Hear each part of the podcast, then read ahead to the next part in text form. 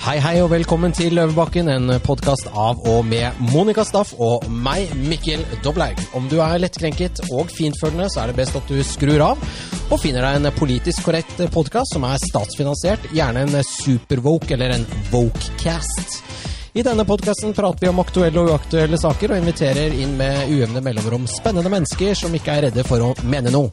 Og i dag så har vi besøk av en utrolig morsom kvinne, som lever av å være morsom, og hun er litt på kanten. Hun ble for alvor kjent da hun bestemte seg for å løfte selveste mulla Krekar, og deretter løftet Max Hermansen opp i lufta.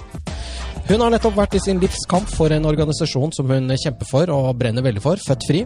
Hun har jobbet for en dyrevernorganisasjon, hun er veldig glad i dyr, det skal vi også snakke om i dag. Og hun har en podkast med standup-komiker Zaid Ali.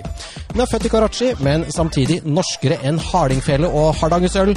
Vi snakker selvfølgelig om Shabana Rehman. Og med meg i dag så har vi selvfølgelig Monica Staff. How you doing? I'm doing uh, really well. Det ser ikke sånn ut. Nei, Nei, bare å, nei, nei, nei, nei, nettopp. Det skal begynne å harasse meg med en gang. Det er sånn typisk. Nei, du, altså det går bra, selv om det har blitt veldig, veldig strengt uh, her i hovedstaden, hvor vi da bor.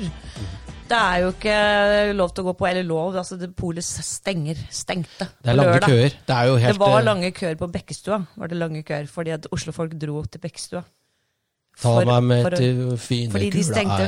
De var så dust at de stengte polet klokken tolv på lørdag istedenfor å la det stenge når stengetiden var klokken tre, f.eks. Ikke Ja, ja. Så men folk fikk helt panikk og kjørte til Bekkestua. På Bekkestua burde du helst ikke snakke Oslo-mål, fordi folk der ble drittforbanna. ikke sant? For de ville jo du bor, liksom? pestbefengte folk fra Ja, hvor, hvor er du boren i Bærum? Jeg bor på Jar! Ja, Hvilken gate da? Hæ? Hæ? Svar, svar, svar raskt! Svar fort! Jeg bare sånn uh, um, Ja, men du Ja. rakk ikke polet, du, da? Nei, men jeg trenger ikke å rekke polet, for jeg har vinkjeller. Så Jaha. jeg bare så det faktisk på Facebook. Er du tror sånn jeg. prepper? Du er sånn prepper, sånn doomsday prepper? Du har vin i kjelleren? Ja, ja. Jeg har jo alt mulig i kjelleren i tillegg til vin. Ja. Eh, nei, men eh, så jeg har, jeg har her så jeg klarer meg. Men i dag så har jeg tatt med en liten sånn covid-drink. Mhm. Bare egentlig for å teste ut eh, hvordan ting smaker blandet med antibac.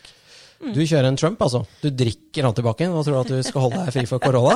Gjorde han det? Nei, han anbefalte noe sånn blekemiddel eller sånt noe. Men nok om det, vi har snakket nok om Ja Trump. det, ja, det stemmer det. det, stemmer det. Nei, vi, eh, du har vært eh, i det ytterste mørket siste uke, Mikkel. Ja, jeg har vært på norsk territorium eh, oppe ved iskanten oppe i Longyearbyen. Mhm. I Svalbard. Det var godt valg å dra dit nå når det er mørkt døgnet rundt. Det er mørkt som i rumpa på ei ku. Det er helt, helt mørkt. Eh, og det er litt rart at det, man venner seg til det. Ja. Det er litt fint også, for at nå hadde solen eller lysnet litt i sør, da, så du fikk liksom blått eh, lys over adventfjorden og sånn når vi var der. Ja. Veldig vakkert. Hvorfor var det der for å skyte isbjørn? Eh, nei, ikke for å skyte, liksom, men mest for å se på isbjørn. Men Ja. eh, det er for ikke det er lov. ikke sånn som skyter dyr, du. Nei, Nei. overhodet ikke. Og vi snakker ikke om det når Shabana er her, i hvert fall. Det gjør vi heller ikke. Hun er veldig, veldig glad i dyr. Jeg hadde tenkt å ta med Shabana hjem etterpå, så hun kunne se på alle dyrene mine. Ja, ikke Som sant? henger opp eisen Ja. Nei da, huffa meg. ja. Nei, du er, du, er, du er rett og slett ikke noe godt menneske, du, Mikkel. Jeg, er, jeg vet det, det har gått opp for meg nå. Stakkars, Så 2020 skal stakkars troll som må bo sammen med deg. Ja, Han er jo ikke glad i dyr, han heller. Nei. Jo, det er han. Han er jo en hund. Ja, han Det- er jo en hund. Men ja, Han er en eh, veldig flott hund, det er han. Han er pen snill gutt. som dagen er lang. Ja, ja men, Men, eh, tilbake igjen fra territoriet. Norsk territorie. Ja, så nå er du tilbake igjen i Norge. Måtte du ha pass for å komme inn på Svalbard, eller inn i Mm. Ja, Du må jo legitimere deg når du skal begge veier. Mm. Og du får lov til å kjøpe én flaske sprit og 24 øl. Det gjorde jeg. Du drikker jo ikke. Nei, men jeg lot det være igjen der. Jeg måtte bare bruke det kortet mitt opp. Herregud, altså. På Nordpolet, faktisk. Heter det det? Ja, det er det Ja, det er morsomt. Ja, ja. Nordpolet, ja. Nord, de er veldig oppfinnsomme der oppe. Der hadde det vært mye morsommere å stå i kø, tenker jeg. Det, det var ingen der. Eh, og det er det som er litt trist med Svalbard, for nå er det liksom Det er jo eh, veldig dødt der, og Mm. hotellene står tomme, og jeg tror det, turismen der oppe ikke går så bra, men det kommer en vår, vet du. Ja da. Det kommer vel til å ordne seg, selv om vi 2021 begynte ikke akkurat sånn som jeg hadde tenkt meg. For jeg tenkte at det covid-greiene kommer sikkert til å gå over nå, så får vi vaksinen, og så blir vi snart ferdig med det. Men da har jeg bare blitt verre enn noensinne. Ja. Etter at, eh, etter at dette britiske viruset Ja. Det er lov å kom- si det britiske viruset, men ikke Kina-virus. Nei. Det, det kan vi faktisk snakke Mm. Og det, om. Ja. vet du hva det er for noe? Nei. Det er faktisk eh, fordi det er lov til altså var det en eller annen som skrev det er lov til å sparke oppover, men ikke nedover. Ah, Og da tenker jeg, Er ikke det ganske nedlatende overfor Kina? jo, det er faktisk rasistisk. Ja. Ja. Ja. ja da har vi Rett og slett. Nei, men vi skal da det til, Vi kunne jo sitte og prate tull i to timer, men det er, kan det hende folk kan bli litt grann lei av det. Ja. Og det er mye mer interessant å snakke med vår gjest i dag, Shabana. Hun er da født 14.07.1976 i Karachi, som du sa, Mikkel. Og eh, kom til Norge med sine foreldre. Og en familie på ni, så vidt jeg forstår. Eller i hvert fall den gangen. Og eh, din pappa var kokk, jobbet som kokk, og døde i ganske ung alder i 1996. Og da var Ja, da får Mikkel en telefon fra, fra Troll, som er sulten. Ja, som er sulten. ja. Ja. Han har egen mobil, skjønner du. Han er ikke noe særlig bortskjemt, den bikkja.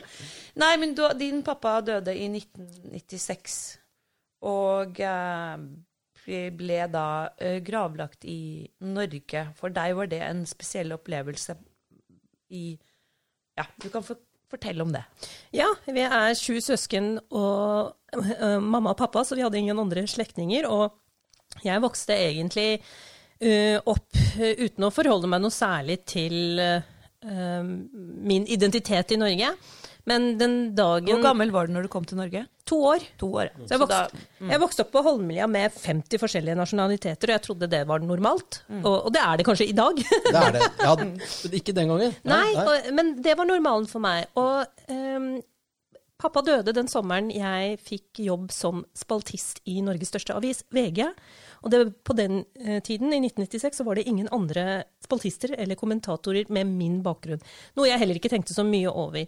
Men når pappa dør eh, rett etter at eh, jeg begynte i VG, han var for øvrig veldig stolt av det, og kom også med satiriske innspill til meg, faktisk, om hvilke karakterer jeg kunne være, da, som kunne observere dette landet. Og det er trist å tenke på at jeg ikke fikk snakket videre med han om, om dette, men jeg opplevde eh, i det øyeblikket han ble gravlagt, at et, eh, et dypt eksistensielt spørsmål kom opp.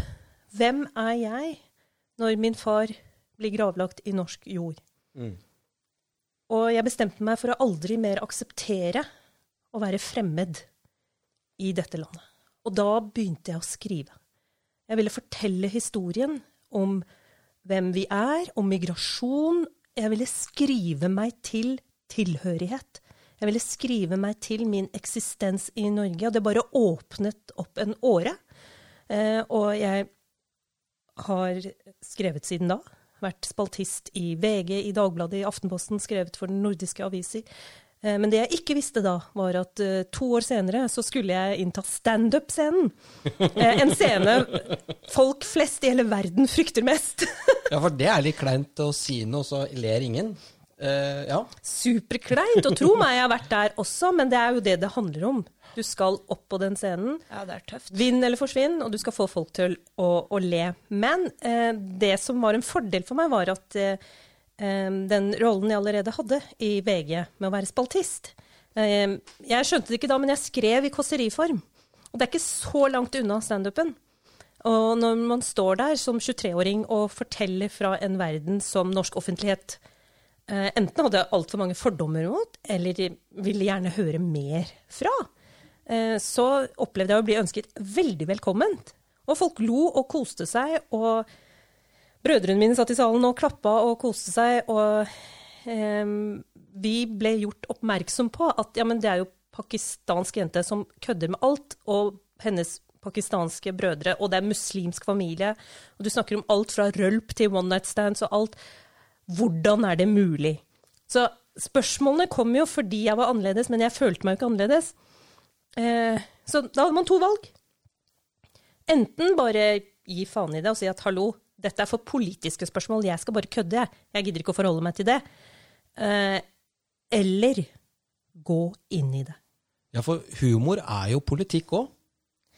Eller Det er i hvert fall min life story blitt. Jo, jo, men fordi at det er jo eh, Jeg vil jo si at eh, når du får den derre edgen, når du har eh, med humor, så kan du liksom ta opp ting som, som ingen egentlig tør å snakke om, og så liksom kjøre på med humor, og da ufarliggjør man også en del ting. Eh, Helt riktig. Man normaliserer det kanskje. Ikke alltid nødvendigvis ufarliggjøring, men når du ler, så ler du. Ja. Da er det ikke plass til andre følelser. Det er ikke plass til raseri eller hat eller andre ting. Nettopp. ikke sant? Så sånn sett så er det veldig effektiv eh, virkemiddel. Og, eh, eh, og det var jo det jeg uh, erfarte, at den, det ufarliggjorde alle sånne pinlige, kleine ting om ja, men kan jeg spørre om det og det og det og det. Alt det der bare forsvant. Og det er jo, ikke sant, satire kan man jo bruke, som du sier. Enten kan man liksom bare drite i å drive med politikk og bare være morsom og så harselere litt her og der. ikke sant? Eller så kan man ha en, kanskje en plan med det og tenke at uh, man skal bryte ned noen fordommer, eller man vil uh, fortelle om noe som folk tror er sånn, men som faktisk er sånn. Ja, Ikke sant? men å være en hardcore politisk satiriker, ikke sant? det er jo kanskje noe man bestemmer seg for. Bestemte du det for deg? Nei, og det, Du ble det bare? nei, og det, og det er også blitt uh, hva skal jeg si, en av de viktigste humoranalyseområdene mine. da. Hva faen skjedde? Er ikke det litt deilig når det bare blir sånn? Ja, og, og det er interessant fordi at du går opp og du kødder, og du er deg selv og vil bare at folk skal le, og kanskje bli akseptert, ikke sant, og uh, alt det der. Og så blir noen så jævlig forbanna! Ja, blir krenka. Og krenka eller forbanna, eller du kan ikke si sånn, du representerer ikke meg, eh, du kan bli et forbilde, og du skal ikke være det fordi du står for noe helt annet, men du ser ut sånn som oss. Eh, Eller på den andre siden, å, så fantastisk at sånne som dere nå endelig tar mikrofonen og snakker. Ja, Dere, er er, dere er så viktige! Da er du inne på det med nedlatende igjen. Ja. Ikke sant? Ja, altså når du møter det, så er det jo perfekt materiale å kødde med. Men eh, først så ble jeg jo bare tenkte, hva er, hva er dette for noe, liksom? Og så eh, måtte jeg ta et valg. OK, jeg går inn i det. Og, og det her er et unikt materiale. Nå slipper jeg å kødde med sveisen til politikere eller hva som står på forsiden av VG. Jeg kan faktisk hente inn materiale som eh, hittil eh, man ikke har kødda med i Norge før. Og da åpnet det seg jo et helt fantastisk landskap. Og det ble starten på min, min reise. Det er jo utrolig gøy også, for jeg tenker at når du da går på kanskje litt på kanten eller det nye landskapet, så, så, er det, så får du holdt Jeg vet ikke om du fikk eneretten på det, men, men eh, da er det jo banebrytende. Og samtidig så vil jeg jo si at da er du med på å, å, mm, ja, å avdekke ting. Eh, og knuse litt myter, kanskje. Og, ja, eller vise, få liksom, liksom vise at ter terrenget har endra seg. Da må Ja. kartet gjøre det også. Nettopp. Og eh, om man blir da Altså, vi er jo et monopolland. Man skal være liksom være monopolister på alt, enten Ja. det er Vinmonopolet eller hva søren. Og jeg fikk også høre det. Ja, men du er ikke komiker, du er politiker. Eller du, er, du må være eh, komiker. Ikke blande deg inn i politikken. Ja, liksom Skjerp deg, bestem deg, liksom. Ja, ikke sant? Det er litt sånn som eh, om- man er magedanserinne og plutselig begynner å servere. Nei, kan ikke du magedanse? Du skal ikke servere. Altså, hvorfor er vi sånn? Det er akkurat som det ikke er plass til å prøve ut forskjellige ting. Og eksperimentere. Skal liksom bare plasseres, gjør det, gjør det, gjør det, og ha, di, ha ditt sted. Ja, det er riktig. Og det er jo veldig, ikke sant, dette med å sette merkelapper på folk også. Du er sånn, og du er sånn, og du er sånn. Og da kan det på en måte ikke bli noe annet. Det er vi veldig glad i i Norge. Vi er veldig glad i det Er i det Norge. typisk norsk? Ja, eh, det sperrer i hvert fall uh, dette landet å være innovative og få fram nye ideer og overraske. Ikke sant? Man blir så konform. Så heldigvis så ble jeg så provosert av det såpass tidlig at jeg ga blanke. Så jeg begynte jo å male meg med det norske flagget når folk sa at ja, men tror du du er så norsk? Så tenkte jeg fuck, ta klærne, male meg med det norske flagget. Dette er landet mitt. Dette er uh, kroppen min. Hva, what, hva er ditt problem? Da ble det jo debatter, da. Ja, ja. Og de har jo, ikke sant, du har jo vært med på å, å flytte på en måte eh, Hva heter det? Ikke Grensesteiner? Nei. Jo, Jo. lite grann. Sånn som da f.eks. når du kom tilbake til dette mullaløftet. Ja. Fordi eh, at som eh, ugift kvinne så skal man jo ikke berøre en annen manns kropp. Hallo! I hvert fall ikke som en gift kvinne. Nei, Nei, ikke da heller. Ho! Og ikke mulla. Ja, og ikke Monica! mulla. Er du gift? Eh, Jeg er gift, og jeg har nå skjønt at det er Gift visse begrensninger med det, altså. Du er gift og litt løftekåt, hører jeg. ja, det er det faktisk. Skal løfte Mikkel etterpå. Yay! Det klarer du ikke. Nei, jeg vet det. Du er for tjukk. Nei da, du er ikke det, Mikkel. Det var veldig dårlig Litt gjort Litt trutig, som de sier oppe i Litt Gudbrandsdalen. trutig. Ja, Litt litt, jeg er litt fyldig. Litt fyldig. Jeg fyller klærne mine. Ja, det er bra. Ja, det er bra. Ja. Nei, men altså, da ble du anmeldt for legemsfornærmelse etterpå. Hallo, sextrakassering. Du må kalle det det det er. Det er helt rått, ass. Du, Ja, men for at jeg har sett klippet Jeg ble anmeldt for metoo mot en mulla. Det var det som skjedde. Det er første metoo i Norge, kanskje? Offisielt, da. Men, men, men følte, hva skjedde da? Det er jo kanskje noen som hører på her som egentlig ikke husker det, eller vi må jo gå tilbake til da det skjedde. Ja, ja, jeg Ja. snakket om det tusenvis av ganger, og jeg forteller gjerne igjen. Ja, ja. Det som skjedde, var at jeg var på Smuget, en nattklubb, og så plakat av at mulla Krekar skal presentere eh, selvbiografien sin der. Og jeg tenkte å, olé, en mulla på en nattklubb! Dette er jo en verdenssensasjon! Ja. Jeg visste ikke da at det var jeg som kom til å bli verdenssensasjonen. Jeg hadde no clue, for dette var ikke planlagt. Og jeg har fått så mye kjeft av særlig norsk presse om hvorfor jeg ikke sendte ut en pressemelding nærmest i forkant, sånn at de kunne være der og dekke det.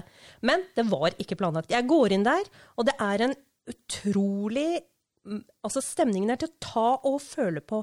Folk er musestille, mens um, Krekar står på scenen sitt, på sitt mest sjarmerende og forteller at han er ikke en farlig mann. Og her er min selvbiografi, her er min reise, her er hva som formet meg. Og, uh, og så snakket han om sin politiske islam, da. Uh, mens uh, en arabisk tolk og Erling Fossen sto der og var konferansier. Ja, for han snakker ikke norsk, mulla. Eh, inntil løftet gjorde han ikke det. Dette, åh, det var forløsende. Er du litt impulsiv? Det som skje... Jeg er impulsiv, Ja. men at noen snakker norsk på impuls, det så vi jo da foran eh, kamera. Men, men dette er faktisk ganske interessant, fordi at eh, her snakker vi om undervurdering av eh, læringsevnen hos innvandrere. Vi, vi kan mye mer, og det, og det med språk, ikke sant? Eh, Det, det at man liksom tar det for gitt at det skal ta så lang tid. En ting er at det er mange analfabeter her også, man må ta hensyn til det. At eh, det er eh, en veldig bratt oppoverbakke å lære seg et annet språk. Og norsk er absolutt ikke verdens letteste språk, men vi kan mye mer enn vi tror. Og hvis vi blir utfordret på den lette måten Nå sier jeg ikke at alle skal løftes for å snakke norsk, men la meg bare fortelle om en annen episode som skjedde med min mamma. Hun eh, jo, var eh, veldig redd hunder. Så når jeg fikk min første valp, så eh, var det rett etter at hun hadde fått eh, slag. Og hun kunne ikke røre eh, halve siden. Og jeg har jo seks søsken som popper ut unger hele tiden, og jeg har ikke fått barn. Så valpen var min baby, og selvfølgelig skulle bestemor hilse på den. Så jeg fant meg ikke noe annet. Så jeg tok med valpen, eh, en samoyedvalp til Holmlia, og så glipper jeg av båndet, da. Så han fyker rett gjennom stua og rett opp i fanget til min mamma, som ikke har rørt høyrearmen sin på et halvt år. Og hun blir så redd for å, å skal flytte den bikkja fra fanget sitt, at den høyrearmen reiser seg opp og dytter vekk valpen. Oi! Det er ganske Ingen- vilt. Det er litt sånn halleluja-øyeblikk, nesten. Ingen fysioterapeut, Ja. Ikke hennes egen hjerne engang, fiksa det. Men overlevelseinstinktet fiksa det. Og etter det så kan dere jo forstå at den valpen, den hadde en bestemor. Ja, ja, ja, ja. Så bra. Ja, og jeg sa uten sammenligning, men det er litt eh, sammenlignbart. Fordi at når Krekar føler seg så krenket Fordi det som skjer, er at den eh, fullsatte salen Det var et flerkulturelt publikum, folk drakk øl. Og jeg holdt på å si kosa seg, men det gjorde de ikke, fordi det var en passiv-aggressiv stemning i, i salen. Litt sånn i forhold til Krekar, vi vet hvem du er, hva du har gjort, hva du står for, og vi lar oss ikke eh, lure. Ikke sant? Men ingen, alle var for høflige til å si noe. noe. Ja. Eller si noe, selvfølgelig. Vi oppfører oss. Det er konfliktsky. Eh, Man bråker jo ikke med en mulla heller, og særlig når alt ikke var klarlagt om hans gjøren og laden den gangen. Men eh, med en gang løftet skjer, kommer det spontanlatter. Oi, da forløste det seg, liksom. Det er også helt instant latter. Og den smilende, sjarmerende, publikumsvennlige mullaen, han skifter eh, også eh, stemning med en gang. Han blir redd. Ja. Og eh, gir da umiddelbart kommando til salen om de som rakk å ta bilder, om å slette bildene. Og folk gjør det med en gang. Det fins ingen bilder fra løftet. De ble slettet på kommando fra Krekar. Jeg vet ikke hvorfor, men bakerst i salen så sto et doku-team dokuteam som lot kameraet rulle. Det er der bildene er fra. Det ble ikke slettet. Det ble ikke slettet. Men eh, Krekar eh, reagerte fordi at ah, Kanskje levde hans persona på frykt. Ikke sant? Og når den forsvinner, hvem er mulla Krekar da? Ja. Da falt liksom masken av, på en måte? Eller, Det var i hvert fall eh, et eller annet som skjedde. Jeg kan analysere det i etterkant, men det, ingenting var planlagt. Jeg fikk jo høre at ja, men herregud, så frekk du var, og uh, nå er du blitt en sånn rølpete norsk komiker som ikke respekterer uh, andres kultur. Eller så fikk jeg høre fra mer eller mindre uh, folk på høyresiden at faen, etter å ha løfta han, skulle du pælme han ut av landet. Ja, selvfølgelig sånn Sian-greier. Ja, Men ja. Men både ytre, jeg holdt på å si høyre- og venstresiden reagerte på sin måte på løftet, men ingen av reaksjonene var i samsvar med min intensjon om, om å, å løfte. Og jeg spurte veldig vennlig. Jeg gikk ikke opp til scenen aggressiv og sa faen, nå skal jeg løfte den og vise. Det var ikke noe sånt i det hele tatt. Jeg gikk veldig pent opp og spurte. Jeg har en følelse av at publikum ikke helt tror på deg, at du er en farlig mann. Men jeg kan vise, gjøre en liten test, og teste om du er det. Jeg spurte veldig vennlig, Ja. og hadde egentlig bare ingen eh, ekkel intensjon. Og han reiser seg opp, kommer smilende bort, og smiler på vei opp. Og når publikum ler, så stivner han til. Og jeg setter han pent ned igjen. Ja. For da, da følte han kanskje også seg litt sånn latterliggjort og sånn? At da, da, det Da gikk så mye følelser mister du på en gjennom? måte autoriteten din. Om han, om det var det, om han var bevisst hva det var han reagerte på eller, eller ikke, men eh, selve den første krenkelsen Det var sikkert flere opplevelser av krenkelser, men den første krenkelsen var at jeg Han opplevde det som intimt at jeg tok på han offentlig. Eh, jeg tenkte jo ikke på det, ikke sant, men eh, politianmeldelsen viste jo hvordan han da tenkte. Og det første han sa, som heller ikke har vært snakket så mye om offentlig eh, rett etter løftet, var 'hvorfor hun ikke kysser meg også'. Ah, Og det var ikke fordi han ønsket seg et kyss, men det var hans eh, litt mer anstendige måte å se på at han opplevde det som, så, så, så intimt, ja. som intimt. Ja. Som om jeg hadde da gjort noe vulgært. Og dette sier han på smuget, hvor damer har blitt klådd på i eh, eh, tre decades, liksom. Det Feil sted å klodd på, lansere bok. Ja, Det er flere veldig foran, merkelig. foran han i køen som burde ha anmeldt eh, Ja. ting hos politiet. Men jeg, jeg skjønte det i ettertid at OK, han opplevde det, og det var ikke min intensjon. Eh, og det kunne jeg godt ha beklaget, men han krevde at jeg skulle be om unnskyldning. Og inviterte meg faktisk hjem til seg. Ok, På- det har vi ikke hørt om. Nei, Nei? på Dro du hjem til han, eller? nei, han inviterte meg på en kopp te og eplekake. Den berømte eplekaken til kona si. Ja. Eh, og det var jo veldig fristende. Men kravet han stilte, var at jeg skulle be om unnskyldning. Og jeg kunne ikke be om unnskyldning for noe han antok at jeg hadde gjort, og som jeg ikke hadde gjort. Ja, ikke sant. Ja, altså han Mm. liksom satt deg inn i et narrativ som ikke stemte for deg. Mm. Nettopp. Ja, men det skjønner jeg. Men da er du ganske prinsippfast, da. Prinsippet koster, Sjåle. Ja, det Ja, gjør det. det gjør litt vondt. Det gjør det. Og det er jo, da ble det nesten litt sånn alvor. Eh, for at jeg tenkte på Dette er jo veldig lenge siden. Dette er veldig lenge siden. Det er morsomt at du sier alvor, for alvorlig ble det. Ja. Men eh, så må det jo også sies at det tok jo helt av. Altså, det ble jo laget dataspill om mulla Løfte, det ble skrevet eh, eh, sanger om det. det. Det gikk jo inn i, i ordbøker og alt, og eh, stuntet gikk verden rundt. Det gjorde det også. Jeg er blitt stoppa på gata i både Australia og i, i New York. Hvor, hvor folk har eh, minnet meg på løftet. Til og med i London, når jeg var på den internasjonale sekulære konferansen, så kom det en fyr eh, eh, der som da var fra samme landsbygda som Krekar. Og som sa at eh, klipp fra løftet hadde gått rundt i landsbyen, og folk hadde fått seg en god latter. Der lå de, vet du! Ja, ja. Oh my god! ja men det er, jo, det er jo stor humor, egentlig, vet du. Men, man, man Men jeg må også legge til at jeg fikk ikke en eneste drapstrussel etter dette løftet. Faktisk så enhver minoritetsperson jeg møtte på gata i, i, i Norge etter det, eh, bare begynte å le, klappe seg på låret og le med en gang de så meg. Så det, det skapte utrolig mye eh, latter og, og, og, humor. Og folk eh, Til og med moren min sa til meg at eh, nei, du, dette var veldig uhøflig gjort. Og så begynte hun å le.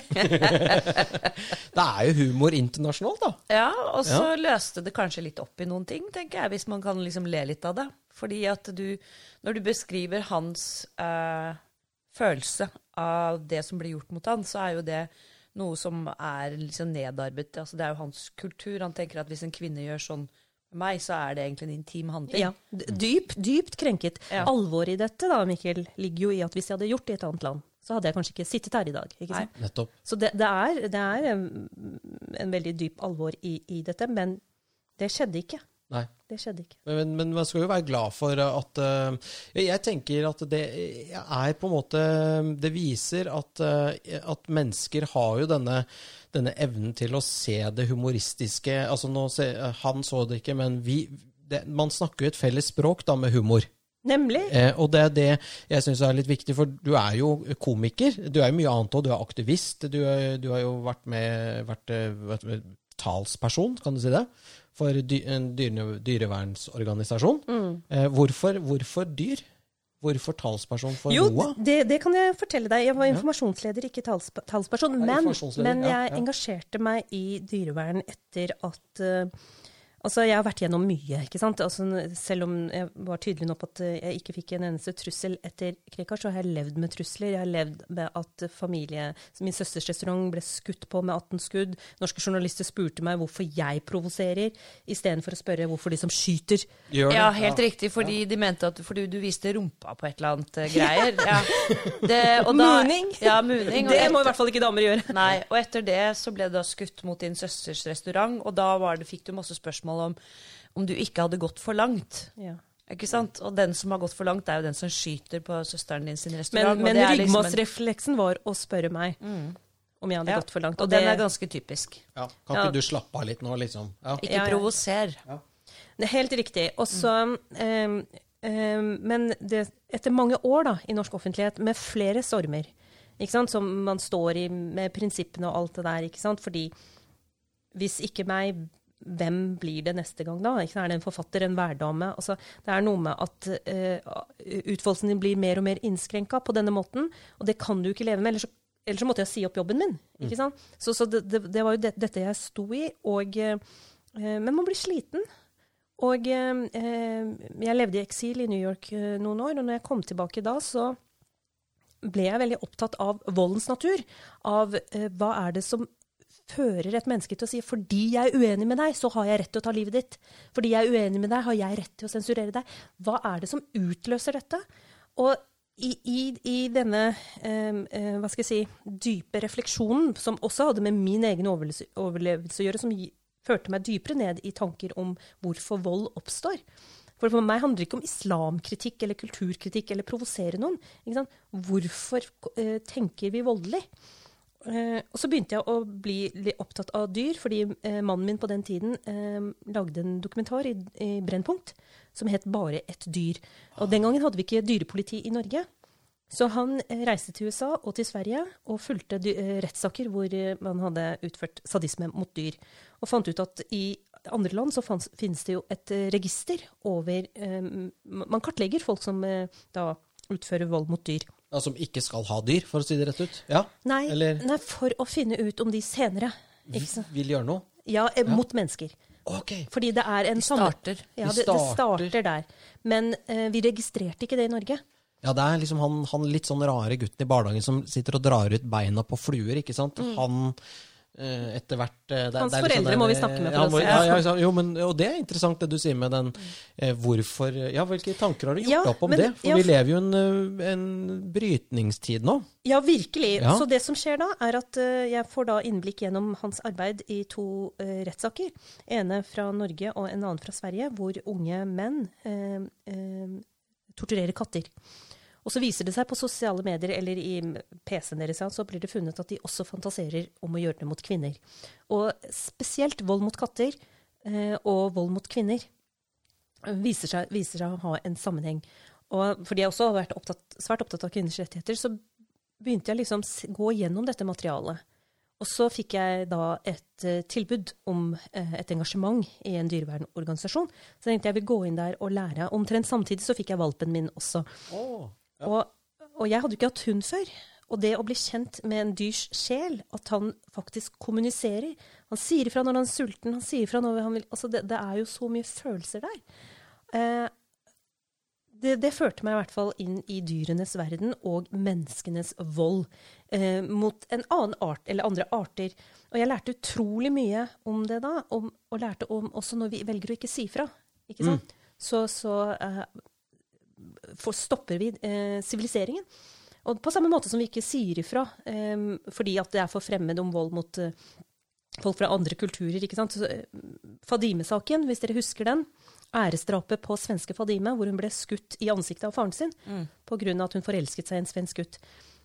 Den saken ble først omtalt i norsk media, for det første eh, svært lite, for det andre som eh, no, noe fremmed. Eh, og det var da jeg også begynte å skrive om æresdrap. At Fadime ble ikke drept i Kabul. Hun ble ikke drept i, i Karachi. Hun ble drept i Sverige. Og egentlig så ble hun drept den dagen hun ble født, fordi hun ble født som kvinne. Det er de holdningene, den at man kan tillate seg å tenke slik. At man kan ta et liv. Eh, overført det på dyr. Vi tillater oss eh, svært mye vold mot dyr fordi, vi, ikke sant? fordi de ikke er i vår empatisirkel. Så på en måte så utdannet jeg meg videre innen dette med voldsfilosofien, da, hvis man kan kalle det det. Jo, det er Og- jo ja, viktig å si det. Ja, riktig. Så, så det var det som førte meg inn. Det var engasjement for menneskerettigheter som førte meg inn i, i bevissthet om dyrs rettigheter. Og det endte jo opp med at jeg fikk to samoyeder og elleve katter. Ikke mindre enn det. Og, Så ja, du er sånn dame som bor med masse katter? Ja, jeg gjør det. Og selv nå, selv nå så har jeg fått eh, de siste ukene tre kattunger til, som ble født av en villkatt i en låve utenfor. Og de tre nøstene bare gikk ut av låven, selv om moren eh, tok tak i dem og førte dem tilbake dit. De ville inn til menneskene. Så de valgte meg. Og da kan jeg ikke si nei. Det er din det karma, vet du. De kjenner varmen Ja, ja, så nå har jeg tre kattunger til. Ja. Men det er, ikke sant, og du bor på landet. Nå gjør jeg det. Og da er det liksom, da skal man liksom ha katt og sånn. Jeg bodde jo på landet selv da jeg var liten, og vi hadde jo katt, og alle hadde katt, og det var katter overalt, og de kom og gikk som de ville, og kattunger tøyt ut her og der. Og, ja, så det, da er det med, sånn jeg ser folk som går med sånn, eh, hva heter den, eh, Grand Danois rundt på Frogner, Kalv. så tenker jeg Ja, stakkars du kan jo ri på den. ja, men Ja. tenker jeg, En stakkars, ponni? stakkars Ja. hund som må bo i en liten leilighet på Frogner. ikke sant? Altså det, dyr skal jo ha et verdig liv også. Ja.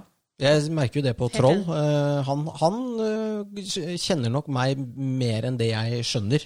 Ja, han, de gjør de er, det. de er Hva slags rase er det? Det er en weimaraner. Ok. Og han har en, en, fantastisk personlighet. Hvor stor er han? Eh, 30 kilo. Ja, ja, Ja. som en samoyed. Ja, som samoyed. Og, Han er veldig umoden. Veldig umoden. Som far. Ja. Men det er sånn. Han er litt sånn åh, ser Ja. ut som han er tre år. Ja, ja. Øynene går i alle retninger. Og han er veldig liksom glad, men han får med seg egentlig det meste han får med seg hvis jeg er eh, lei meg eller sint. Eller, altså, han, han skjønner hvor jeg er, da. Og så tror jeg Ja. liksom med dyr som med mennesker at noen, ikke sant, noen dyr er jo smartere enn altså Noen hunder er smartere enn andre hunder. Mm. Altså Du kan være dum, eller du kan være eh, så Vi hadde en eh, forster en gang som jeg er ganske sikker på hadde ADHD. Ja, ja. Ja, men de har ofte eh, en del like Syndromer. Like Som trekk. oss. Ja. Var det Trond han het? Nei. Martin. Martin, ja. Du han, hun, øh, har jo menneskenavn på hundene. Det blir jo enda villere. Og broren hans er Trygve. Trygve og Martin. Trygve er storebror til Martin. Jeg syns det, jeg syns det er veldig rart når, når dyr får menneskenavn. Ja.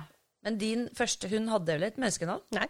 Ja, jo, det hadde den, men eh, Oppkall, unikt. oppkalt etter en filosof eller noe sånt? Eckart. Eckhart. Eckart, ja. ja. Oi, du har tatovert Nå viser Min Shabana første frem en tatovering. tatovering av eh, Ja. livets store kjærlighet. Jeg Eckart. mistet han i januar eh, for ett år siden, Ja. så da ville jeg ha han med meg. Men han ble For gammel? alltid. Han gjorde dessverre ikke det. Han ble syv år. Ok, ja, nei, ja, men de blir sånn 11-12, Tolv, da. Ja, ja. Ja, ja, ja. Så Så han, han, han, fikk, han fikk kreft, og så reiste han videre. ja. Det Til er de jo evige jaktmarker. Det er jo det Ja. som er trist med Med hunder. Eller med ja, men, dyr. Ja, Man blir jo glad, veldig glad, glad er at de ikke lever like lenge som mennesker. Ja. Så du, du må på en måte innse at du, det tapet kommer du til å antageligvis opp, Mm. De er gjester i våre liv, vet du. De er det. Mm. Men desto mer Ja. plass til kjærlighet må det gjøres. Ja. I uh, eh, Mikkel kan jo bare drømme om dette, men jeg vet at du faktisk har en gang tidligere åpnet Bjørnsonfestivalen i Molde. Ja, det stemmer. Ja, og eh, Mikkel, det er sånn som Mikkel drømmer om, for han elsker jo Bjørnson og Ibsen. Og disse store egentlig tenkerne våre fra eh, 18... Nasjonsbyggerne. Nasjonsbyggerne. Mens vi var under eh, det, i 400-årsnatten med Danmark og så Danmark Sverige. og så Sverige. Mhm. Og Bjørnson var vel det man kalte en nasjonalist. Ja. Og det er jo et eh, tema i dag som, eh, som Det er en feide nå da om nasjonalismen. Ja. Den vokser på nytt, og det er farlig. Hvis du sier Jeg- nasjonalist i dag, Ja. så tenker man jo på en liten mann med Jeg Bart. håper at jeg skal møte en herre med bart. Å, en herre med bart. Men ikke av det lyse bløte. Den må være strip og svart. Det er Wenche Foss, en herre med bart. Det må være stri og svart. Det er, han, det er han man tenker på når vi snakker om eh, nasjonalisme i dag.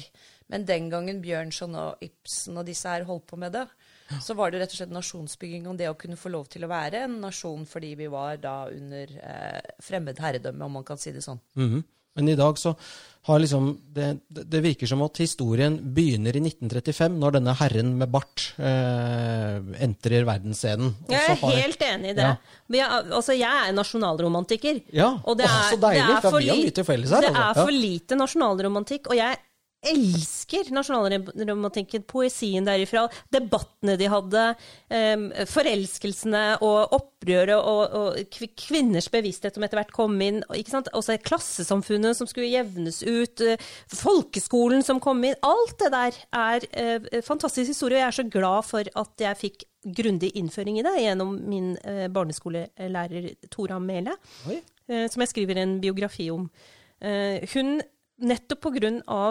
norsk historie og norsk kulturarv, så var hun den beste læreren til å møte de første pakistanske eller urduelevene, som vi ble kalt på Ja. 80-tallet. Ja. Eh, Møte urdu-elevene, men også våre foreldre.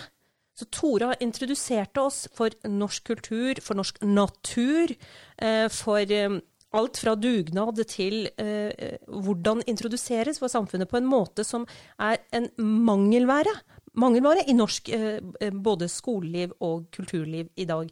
Og det har ingenting med fornorskning å gjøre, det har ingenting med eh, assimilering å gjøre, men det har med følelsen av å være hjemme og gjenkjenne. Fordi alle land har sin nasjonale romantikk. Alle land måtte bygge opp en identitet, ikke sant? Og bli kjent med den, den norske eh, nasjonsbyggingen. Eh, det gjør at man føler seg mer hjemme. Det, det er limet som holder oss sammen, Ja. rett og slett, som gjør at vi kan samhandle. Riktig, så hvorfor skal ikke man bli, bli, bli kjent med den historien? Eh, uten skam. Ja, og og, så er det- det jo mye av dette Jeg husker det eh, i Når den store flyktningstrømmen kom for noen år siden, nå husker jeg ikke årstallet, men eh, det var en 2015? Ja, noe sånt. Ja, ja. Og da ble det bl.a. innkvartert en del mennesker i bedehus rundt omkring. Og da var det et eller annet sted i Norge hvor de mente at de skulle Det var et stort kors ikke sant, inne i dette bedehuset. At de skulle ta ned korset. Og det tror jeg ikke var på forventning av de som kom. For det er de som, altså vi som verter som tenker at vi skal liksom bare være så veldig veldig og så det hensynsfull på det, istedenfor å si at sånn er det her hos oss. Og det var faktisk Ole Paus sa noe veldig klokt. Han sa hvorfor skal vi ta ned korset, som er selve symbolet på den barmhjertigheten vi viser nå? Ja det Fikk han noe svar? Nei da, og det er samme med de som liksom skal ha bort nisselue og sånn. Det er bare tull, ikke sant? Ja. Og det er ikke, noe, det, er ikke noe, det er ikke noe krav fra noen muslimer eller noe sånt som jeg opplever at de liksom Ja, du får ikke lov til å ha nisselue, for da krenker du oss. Det er ikke det bare tull, Shabana?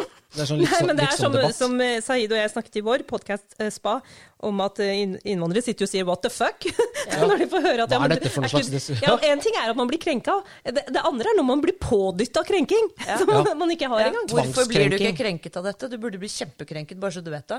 Men det er jo, men, og det er det som da med nasjonsbyggingen Jeg tenker på da eh, eh, Bjørnson, som diktet vår nasjonalsang, og diktet Norge frem, og Nansen. altså De var jo superhumanister. Jeg tror jo De det var jo, jo kosmopoliter! Yes, og Nansen sendte nakenbilde av seg selv til Ja, ja, ja, han var Ja. tidlig ute med det òg, selfie. Men, men på, poenget er jo at eh, mye Ja, av den norske eh, folkesjelen ligger jo også i eh, humanismen, som var en del av nasjonsbyggingen. Mm. Og det er dette her jeg For vi skal liksom skli litt sånn sakte over i din rolle i, i Født fri, og din kamp for frihet. For det er jo og, og, viktig. For det er jo, du, har jo, du sier du har alltid stått i stormen. Og i høst så har jo du stått i en, en forferdelig storm. Eh, og det ble litt sånn alvorlig, men jeg tenker sånn transaksjonen er jo at, eh, at du Når ble organisasjonen stiftet? For tre år siden, Ja. og det er eh, når jeg fikk tilbud For jeg ble headhuntet til å lede en uh, stiftelse som ikke fantes. Men det som fantes, var jo engasjementet gjennom mange år. Det som fantes, var jo viljen til å skape uh, et nytt eh, felles uh, plattform. Ikke sant? Så, så det var på en måte så gikk jeg ikke inn i en ny jobb. Eh, Du bare fortsatte, på en måte? jeg bare Ja. fortsatte, men det som gjorde forskjellen, og som gledet meg noe innmari, det var jo at ikke sant? Jeg har fortalt dere om mange stormer og eksiltilværelse og, og stå på for prinsippene sine. Det har vært ganske ensomt. Så det som gledet meg, og som gjorde at jeg tenkte at ok, dette skal jeg gidde, fordi det er et, eh, eh, et, eh, veldig tøft felt å gå inn i, det, det, vet vet man jo nå. ja. Men det var jo at oi, nå trenger man ikke å stå alene.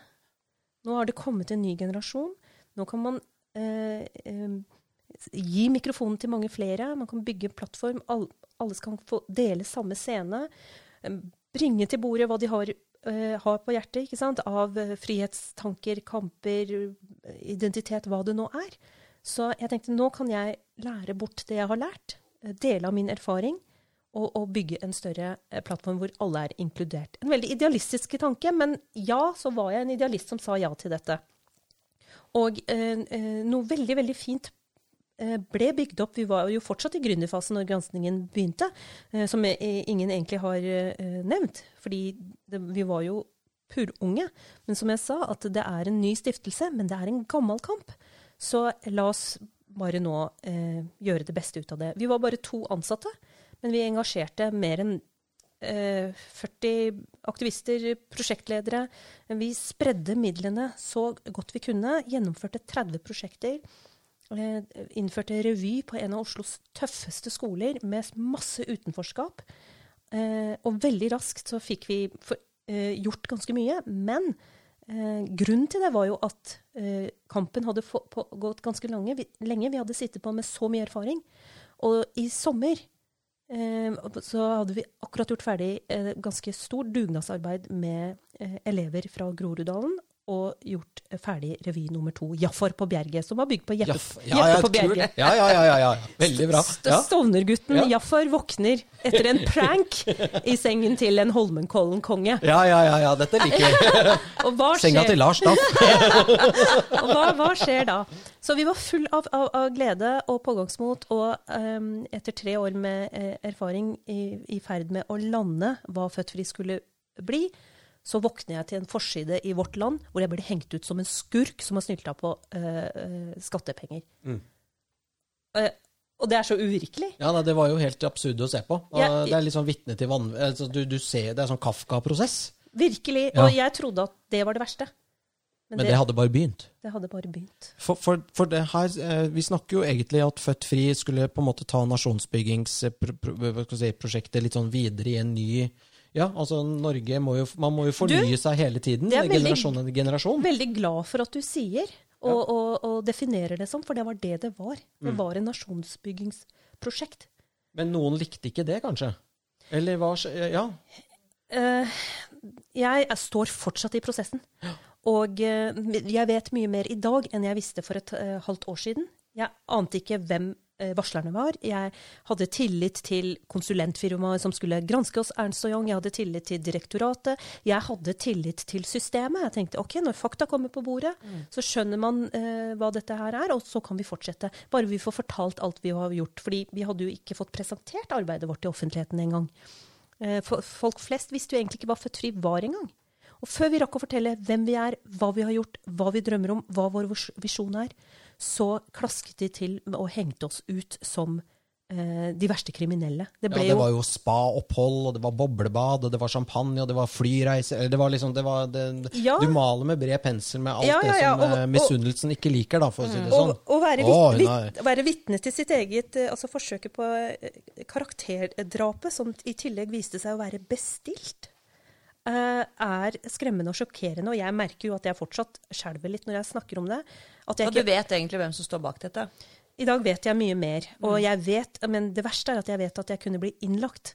En planlagt kampanje, en, et bestillingsverk som kunne tatt livet av meg. Og så tror de at man bare skal gå videre. Ja. Det er litt sånn Dr. Stockmann, eh, en, samfunn, eh, en folkefiende. da. At Ja. Du ble plutselig Dr. Stockmann, da, som skulle tas ut. Du vet hva, Ja. dette, er, dette er jo helt Ibsensk. Ja, det er det. Virkelig. Men eh, plutselig så snakker hele Norge eh, eh, om Født Fri. Eh, og om Stovnerrevyen, som er vårt hjerteprosjekt. Det var jo det vi ville, men ikke på denne måten. Ikke på den Nei. måten. Det var ikke den PR-en dere hadde sett for dere, liksom. Og det er jo, ja. Men hva gjør man da? Hva hadde dere gjort?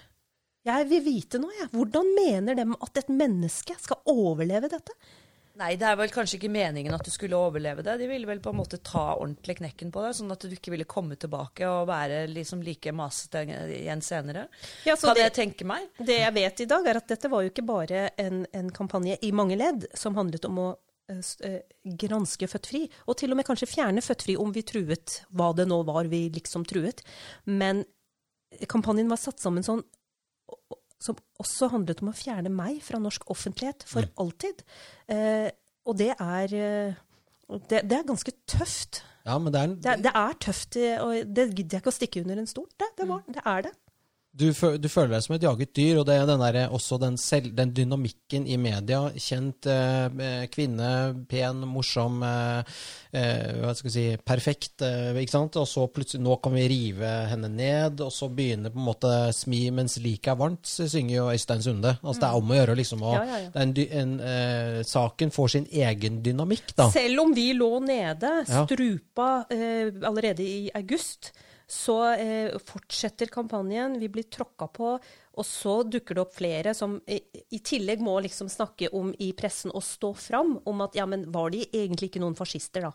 Hadde de ikke litt sånn Å ja, du har blitt fascist, du også? Ja, men altså, alle mekanismer var i, i, i sving. Ja. Med å tråkke på eh, en slutt som allerede uh, lå nede. Det var som om man sluttet å tenke at det, hallo, vi har med mennesker å gjøre. Mm. Det, det, det er mennesker vi, vi, vi snakker om, om her nå. Eh, og, men, men det som er eh, eh, bra med dette, da, er jo at i dag så tenker jeg at fy fader, så mye jeg har lært. Og hvis Født Fri kunne fortsatt, så hadde vi jo vært en mye sterkere stiftelse. Jeg, jeg føler jo at jeg har tatt doktorgraden i statsvitenskap på seks, seks måneder. Ja. Hvordan direktorat fungerer, hvordan eh, departementene fungerer, hvordan eh, eh, nettverkene og eh, Altså hvis jeg ble beskyldt for nepotisme fordi en nevø og niese av meg måtte steppe inn og være vikarer for Stovnerrevyen, fordi de, eh, de ble kalt inn til Høylandet for å være med i nasjonal revykonkurranse på Høylandet. Groruddalungdommen hadde aldri vært der. Tusen mennesker i, i, i, i salen, de fleste parten trøndere. De skulle opptre for dem. Og de elsket også, Der snakker vi om å inkludere folk i det norskeste av den norske revytradisjonen. Og vi får det til. Og så kommer vi da tilbake eh, eh, til, til Oslo. Og du kan, du kan forestille deg hva ungdommene tenker, da. Mm. Har vi vært med på dette, eller eh, Ja, de blir jo redde, de òg, kanskje?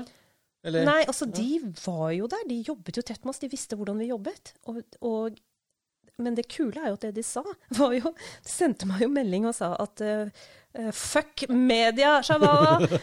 Født fri with or without the money. We are with you! Ja, det er veldig bra. Det er veldig bra. Det er jo herlig. Men eh, det, er, er det noe av grunnen til at den heter Spa med Saeed eh, og Podkasten vår, ja. For det Ja, var noe ja, sånn ja. spa Altså Jeg fikk jo følelsen at uh, du hadde ligget i et sånt boblebad og blitt uh, fòret med druer, og det var, Ja, ja, ja. Altså, det var ikke måte på. Du har brukt fem millioner kroner du bare på neglebehandling. Eller, altså, jeg har ja. blitt hele Norges spadronning Ja. uten å ha vært på spa. Nei, vet du hva? Det, det er det som er det, som jeg sa, fine Hvis jeg skal si at jeg sitter igjen med noe som er eh, som gir eh, min spirit liv, om man kan i det hele tatt si det, så er det jo det at eh, jeg er blitt godt kjent med mitt eget overlevelseinstinkt. Jeg har gått tilbake til utgangspunktet, humorscenen. Eh, Så når vi blir beskyldt for å være på spa, eh, på Son, hvor vi faktisk skrev Stovnerrevyen, og aldri var på spa Son spa hotell vet jo dette, og vi legger fram dokumentasjonen, og likevel så uh, uh, slipper direktoratet denne informasjonen ut. Hadde ikke hotellansatte også sagt at men dere var jo ikke i spaen? Jo, jo, jo. Ja. Det, det er jo helt vilt. Men, men det det betyr, da, når Libe Ribbemoen går ut og sier dette, to ganger til og med, med seks ukers mellomrom, enda hun vet bedre. Eh, og det, det, det, skal de vite. Når sånne løgner blir spredd, hva er det jeg opplever da? Jeg kunne ikke gå ut av huset. Jeg er en ganske kjent person i Norge, så uh, hvem som helst kunne stoppe meg på gaten og, og, og um, skjelle meg ut.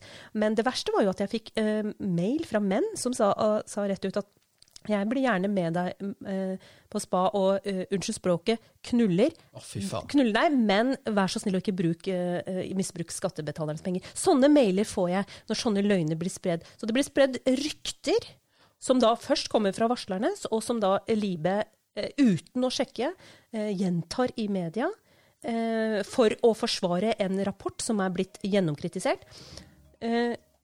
Det, er det som er resultatet. ikke sant? Det er de menneskelige konsekvensene når fakta ikke blir lyttet til. og som, som, ødelegger liv. Men så eh, drar jo jeg og Sahid til Son spa, endelig på spa og lager en pod podkast. Hvis, hvis, hele tror, hvis, hele Norge tror vi er på spa, så får vi dra på spa, da. Men spa-podkasten handler jo ikke om eh, granskningen, selv om vi forteller eh, inside information derifra også. Sahid er jo eh, en av Altså, han er Norges morsomste mann. Jeg har sendt, kjent han siden jeg er syv år gammel. Og han, han kan virkelig kødde med alt. Han kan gjøre en stein morsom, liksom. Så at det er blitt den nye, nye, jobben min, er jo ganske kult. Og det kule er jo at eh, podkastmikrofonen ble den eneste ventilen vi hadde. Ja, ikke sant? Uten kontroll, mm. uten krav om rapporteringer, uten noe som helst. Skylde noen noe som helst. Vi kan speak out, vi kan tulle med hva vi vil. Og uh, vi er jo til og med uh, gjort unna en hel sesong uh, med, med, spa. Og, og det, det, er det morsomme barnet da, av, av denne eh, granskingen. Eh, og jeg føler meg jo mye friere nå. Mm. Ja. Til, å, til, å, skape, til å mene og til å, å, melde. Så jeg får se hvor denne reisen går videre. Ja, det er jo ganske alvorlig det du snakker om når man liksom skjønner at det er eh, et slags uh, regissert komplott uh, for å rydde deg av banen. Eh, Bokstavelig talt. Og jeg vet ikke hvorfor. Nei, det er noen som, som, da ikke sant? Altså, Man er for drøy, eller det blir lagt ut en, et eller annet narrativ om, om, at dere var sånn og sånn, og at dere sløste med skattepenger, brukte de på spa, ikke sant, for å lage en historie. Og det bringer meg egentlig litt til, um, til uh, akkurat det med disse organisasjonene, sånn som HRS, da. Mm eh, Hege og Rita, som sitter og gjør sin greie og har en ganske liten sum fra. Hva er det de har? 1,8 millioner? Ja, noe sånt noe. Småpenger. Ja. Altså, de får jo stempler i, altså, i huet og ræva hele tiden og er rasister, og det er liksom ikke måte på. For meg så fremstår de som to ganske ihuga feminister. Mm. Hele deres prosjekt handler jo om kvinners på en måte rettigheter i da spesielt selvfølgelig islam, som er den religionen i dag som er mest undertrykkende på kvinner. Det er flere andre religioner som har vært det, men som har kommet liksom litt lengre i utviklingen. Så det, det stempelet de får, er jo så utrolig urettferdig.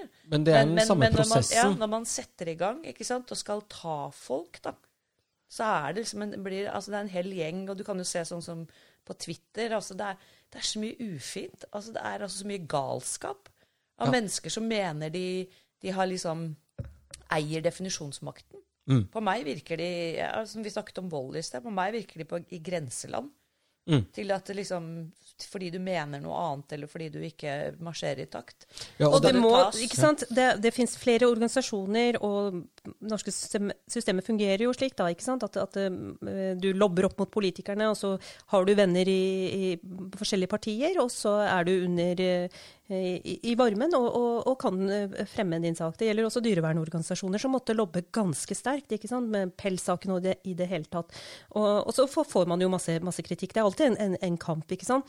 Uh, og jeg er helt enig med deg med at HRS har jo vært dønn lojale mot menneskerettigheter og kvinnekamp og alt det der. Og så har de jo sine metoder og sin fremgangsmåte, som gjerne må kritiseres. Og, så opplever de med personforfølgelse i, i, i, tillegg, og kanskje har gjort det i mange år. Kritikken må man tåle. Kritikk skal også Født Fri tåle. Eh, Født Fri valgte eh, en annen eh, retning, ikke sant? fordi vi tenkte at OK, vi blander oss ikke i innvandringsdebatten. Eh, altså det at folk innvandrer til Norge. Vi vil være eh, der hvor innvandreren allerede er. Hva kan vi gjøre med det? Hvordan kan vi hente fram det positive, de ressursene? Hvordan kan vi styrke eh, det, det, de utstøtte? Slik at det blir den nye kulturen, det blir normalen. For normalt var det jo ikke å, kjempe, å leve sitt eget liv. Så de prosjektene støttet vi. Det, det var så endringskraftfullt.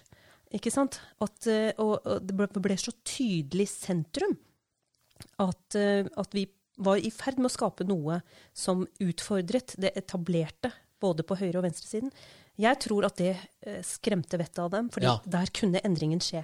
Eh, Men vi hadde ikke fått satt ord på det ennå.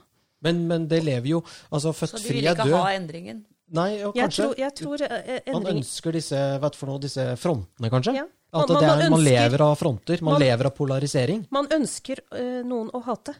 Ja. Man ønsker å bygge nasjonsbygging på hat, og da er det så viktig å ha en fiende.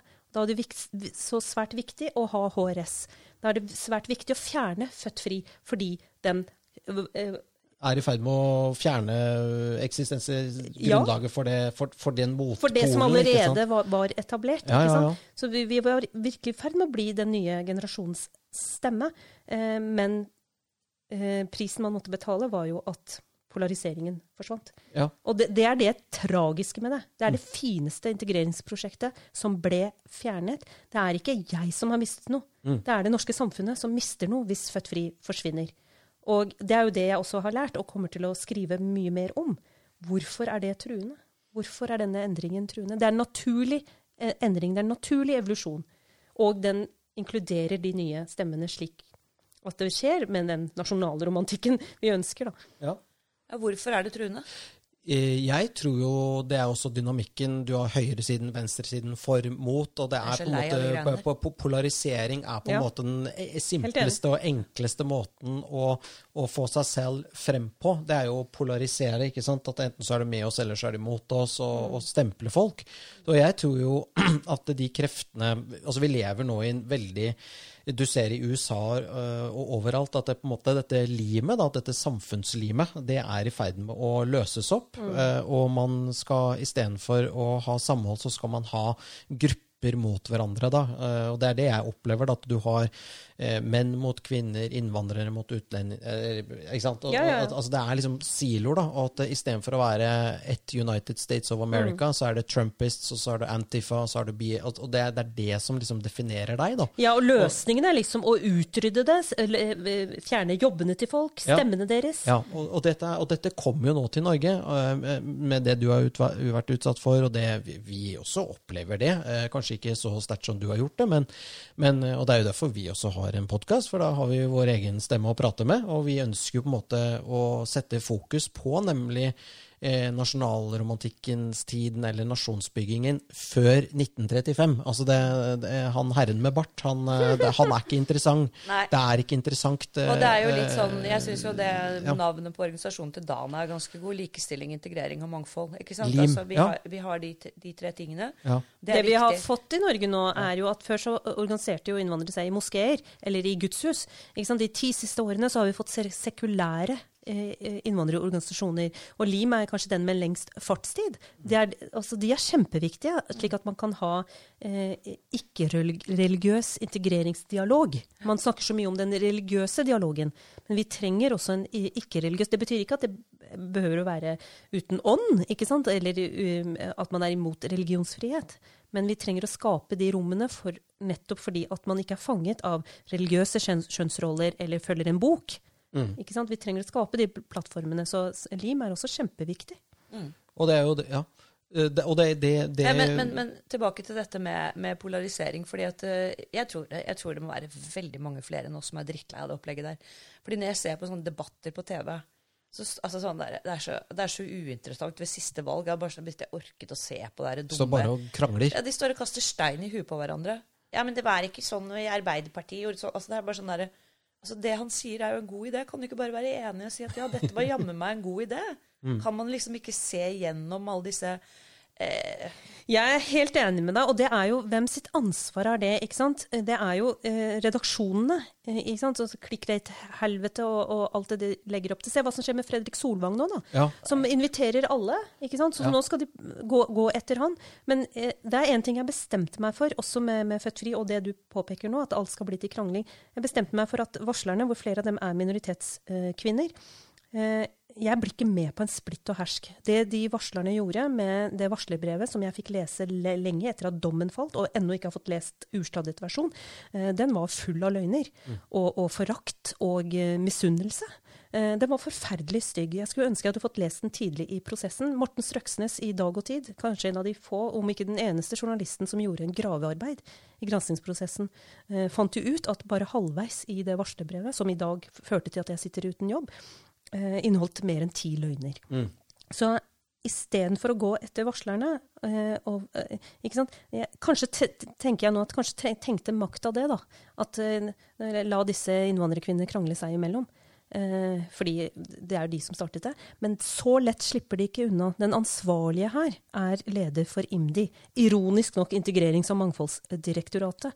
Hun er den ansvarlige. Hun lot dette passere. Hun eh, lot eh, det at vi har et minoritetsmiljø som ikke var moden for Er det, frigjøringskampen. er det berøringsangst, kanskje? At hun ikke turte å ta tak i det? Eller er det det at vi, vi nå lar samfunnet altså bare, um, um, altså Jeg savner på en måte at noen voksne i rommet kan si OK, nå er det nok. Ja. Sånn holder vi ikke på. Ikke sant? Uh, nå er det nok. Ikke sant? Uh, Det er hvor jeg hvor er de voksne? at ja, hvor er de voksne? Det var ingen voksne hjemme. Men det er derfor jeg sier at pros prosessen pågår fortsatt. Fordi de Ah. svarene har vi ikke fått. Nei, Det er ingen som gidder å svare. Det er sk skremmende. Så de mente Ja. at innvandringsmiljøet var ikke modent for den type eh, da, jobbing som dere gjorde? Helt riktig. De var ikke modent for det, men Født Fri hadde den tålmodigheten.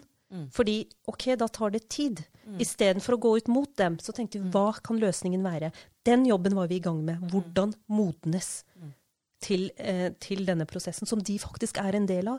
De tilhører det, deres barn tilhører dette.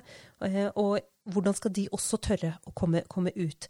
Ikke sant? Så før vi rakk det, så ble det eh, engasjert kampanjer som gjorde at man skulle spise opp hverandre. Mm. og det ble støttet. Ikke sant? Akkurat som redaksjonene støtter den jævla kranglingen ikke sant? og polariseringen, så ble det støttet av maktapparatet. Og det kommer jeg aldri til å tilgi. Nei, det er jo Men jeg tror ikke vi har hørt det siste fra deg, for å si det sånn. Det er jo liksom uh, Don't uh, piss off a strong woman, for å si det sånn. Uh, men, Det er veldig farlig. Det er veldig farlig, så jeg sitter jo her og er veldig ydmyk. Men, eh, men jeg tror Jeg leste jo en veldig fin artikkel også i Nettavisen der du hadde vært på en Frp-fest. Og det er litt morsomt, fordi at dette handler jo om å møte kanskje fordommer. Ha, har de fester? Ja, de er det sånn vikingeblod? ja, det er bare rulling, så det er Per er Sandberg og Det er så langt fra det, og det var det som overrasket meg. Ja, Ja, du, jeg, har- jeg har fått jobb som eh, spaltist i Nettavisen. du har det, ja. Yes. Gratulerer. Tusen takk. Meget bra. Da har du jo et mektig Hva for noe? Pennen er jo et mektig våpen. Ja, og det er jo det jeg egentlig har gjort i, i, i 30 år nå, så da, det er morsomt å gå tilbake til eh, kommentatorrollen. Men jeg måtte skrive om det, fordi at eh, eh, midt i granskingen så ble jeg invitert til en Frp-fest av Himanshu, stortingspolitiker, Gulati. Og, og jeg gikk jo der med piggene ute, og hadde så, fått så mye kjeft fra forskjellige eh, kanter av landet, og veldig mange eh, i Frp-segmentet, da, som jeg kaller det, eh, som eh, tenkte at ja, hun pakistaneren der, selvfølgelig var hun også som alle de andre, så tenkte jeg nå skal jeg faen meg gå på den festen. Og så skal jeg snakke med folk, for det var mange lokalledere som skulle være der. Og jeg endte opp med å danse med dem på, med Bollywood-musikk. og, Det- og svinge med hoftene og hadde mitt, mitt livs party-feeling. Jeg bare Hva faen traff meg nå? Blir ikke fest uten skinnheis, vet du. Nei, men det er kjempebra. Blitt fart det- uten bart. Eh, Blitt fart uten bart. Og det er det som er, jeg tror kanskje er kanskje løsningen framover, da, er at man må begynne å snakke sammen, ikke bare sitte og tvitre eller bare holde Man må på. feste Eh, sammen. Man må feste sammen og, Ja, og snakke sammen. Ja, og det andre jeg opplevde, var jo at det var eh, eh, veldig mange pakistanere også som kjente skadefryd. ikke sant? Og hun- kjerringa der som har plaga oss i mange år. Mm. endelig nå blir hun tatt av nordmenn sjæl. Og så de slengte sånne ting til meg. Og så tenkte jeg faen, så dro jeg til Manglerud eh, hos eh, Shahid Rasool, som eh, jeg vokste opp med som den verste gangsteren, liksom. Så hadde, han har laget, startet en treningsstudio der oppe, og den driver med kickboksing. Eh, og der ble jeg like overrasket som på Frp-festen, for det var mange eh, innvandrerkvinner som trente der. Og, og, og alle skjønn, liksom. Og så kommer det jo pakistanere bort til meg og, og sier at si ifra hvis du trenger hjelp, vi pakistanere må stå sammen. Ja, ja, ja. ja, ja. ja det er bra. Det er, bra. Det er greit å ha en kickbokser på laget, da. I en sånn mørk smug. Ja, en mørk smug. Ja. Ja, men du, hadde ikke jeg hatt helsa nå, så hadde jeg virkelig vært lagt inn. Jeg har jo klart å spise meg frisk fra diabetes og gått ned 25 kilo på det siste halvåret etter at jeg mista Eckhart. Eh, hunden min, I januar så begynte jeg å løpe. Så Nå jeg, vi må ha en prat. Jeg må bli kvitt den her eh, vaffelen her. ja, men du, du det, det gjør jeg gjerne, fordi jeg, jeg har slitt med det i 30 år, og Ja. plutselig nå så sitter jeg på sånne YouTube-serier YouTube og ser på sånne transformasjonsvideoer og tenker oi, nå, jo, nå skjønner jeg jo det! Det er mulig. Det, er bare å, det hullet her er mye større enn det bak der. Jeg så har noen gode tips. inn- Jeg har du noen har gode noen gode tips. Ja. Du trenger god helse du også, Mikkel, med det du, det. du holder på med. Så Ja. det varer, vet du. ja, man må vare. Og det er eh, Mikkel er jo en, eh, en eh, kulturbygger, holdt jeg på å si. Han tar jo vare på en svær gård oppe i Gudbrandsdalen, Oh my. som er vår felles kulturarv. Ja, det er fødestedet til Per Gynt. Oi. Så der var Yes. Ibsen var, eh, var i Gudbrandsdalen i 1860-årene. og- Nordre Hoggå gård. Yes. Så Mikkel har hytte i Oslo, og så bor han egentlig i, eh, på Vinstra. Ja. Wow. det- ja. Takk, takk for invitasjonen. Ja, det, du er herved invitert på det. Vi, Ja. eh, vi har hatt mange gode ideer om et liten Altså, vi har jo hatt noen samlinger der oppe, men Ja. det, det gjør vi gjerne. Ja. Og det er jo litt sånn eh, Du, du på, vi, tiden Da har vi litt tabla der og Ja. litt, ja, men eh, bare helt på, jeg hørte på en podkast der du hadde en rant som varte kjempelenge. Det var morsomt, men da snakket du og Saeed om en sånn en ny, en ny organisasjon, sånn Krenkerådet eller et eller annet sånt noe. Eh, kommet, Krenkkastingsrådet. Vi, har det kommet noe videre med det, eller? du, vi har eh, opprettet en Facebook-side, og eh, vi tenker at der det er nødvendig til riktig tid å si de riktige tingene. Bra. Så når det blir nødvendig, så kommer det en melding. Veldig bra. Ja. Krenkastingsrådet. det liker jeg. Det liker jeg. Nei, for Jeg er jo sånn som sender ny inn brev til det ordentlige Kringkastingsrådet Nei, jeg skal og- og klager på Nei, nei, nå er det. Kringkastingsrådet som gjelder, og vi lover å vurdere situasjonen nøye. Med og, med og uten krenking, og, og, og si fra. Det der er faktisk krenking! uh, og, og, fordi vi mener jo at altså, det, er jo ikke, det skal ikke forbys å bli krenket. Og så det er jo en følelse. Mm. Men hva du gjør med det, og hva, hvilke konsekvenser det gir, det må vi snakke om. Ja, det, er, eh, det høres eh, veldig bra ut. Timen løper fort her. Eh, Men da tror jeg liksom vi har funnet en ny vår med en ny nasjonsbyggingsprosjekt der. En av nasjonsbyggerne sitter her. Eh, Jeg tror ikke, Du ser ikke veldig slagen ut, altså, selv om du, du, du, du sier det. Så tror jeg egentlig ikke så Nei, så på jeg har nå laget Gjenfødt fri. Så Det er veldig bra. Nei, men uh, what doesn't kill you makes you stronger, ikke sant? Så det er jo veldig sant. Absolutt. Og um, alle som eh, orker å ha en stemme i norsk offentlighet i dag når det gjelder disse spørsmålene, må forvente seg å få en uh, på trynet. En i planeten. Ja, you Ja. give some and you get some. Sånn som- så, så du har fått det. Jeg har ikke spurt engang om det er Lars som var sinna. Oh my god! Nei, nei, du, jeg gikk rett på trynet på glattisen her når det begynte å Ah, det er såpass. Du må få pigger, vet du. Ja, Ja, er det ikke det ene, brodder som en sånn er det ikke det ene, så er det været. Så er det alltid været. Eh, veldig hyggelig å ha deg på besøk. Tusen takk. Håper at vi kan ha deg på besøk igjen. Ja, Ja. for det var mange interessante temaer oppe, ikke minst dette med sammenhengen mellom vold mot dyr og vold mot mennesker, som var veldig interessant. Mhm. Så um, rett og slett Scratchet bare litt i overflaten her, tror jeg. Ja, Veldig hyggelig. Eh, da, Monica, er det du som uh, gjør det vanlige. Ja, og det pleier vi å gjøre på spansk av en eller annen merkelig grunn. Sayonara.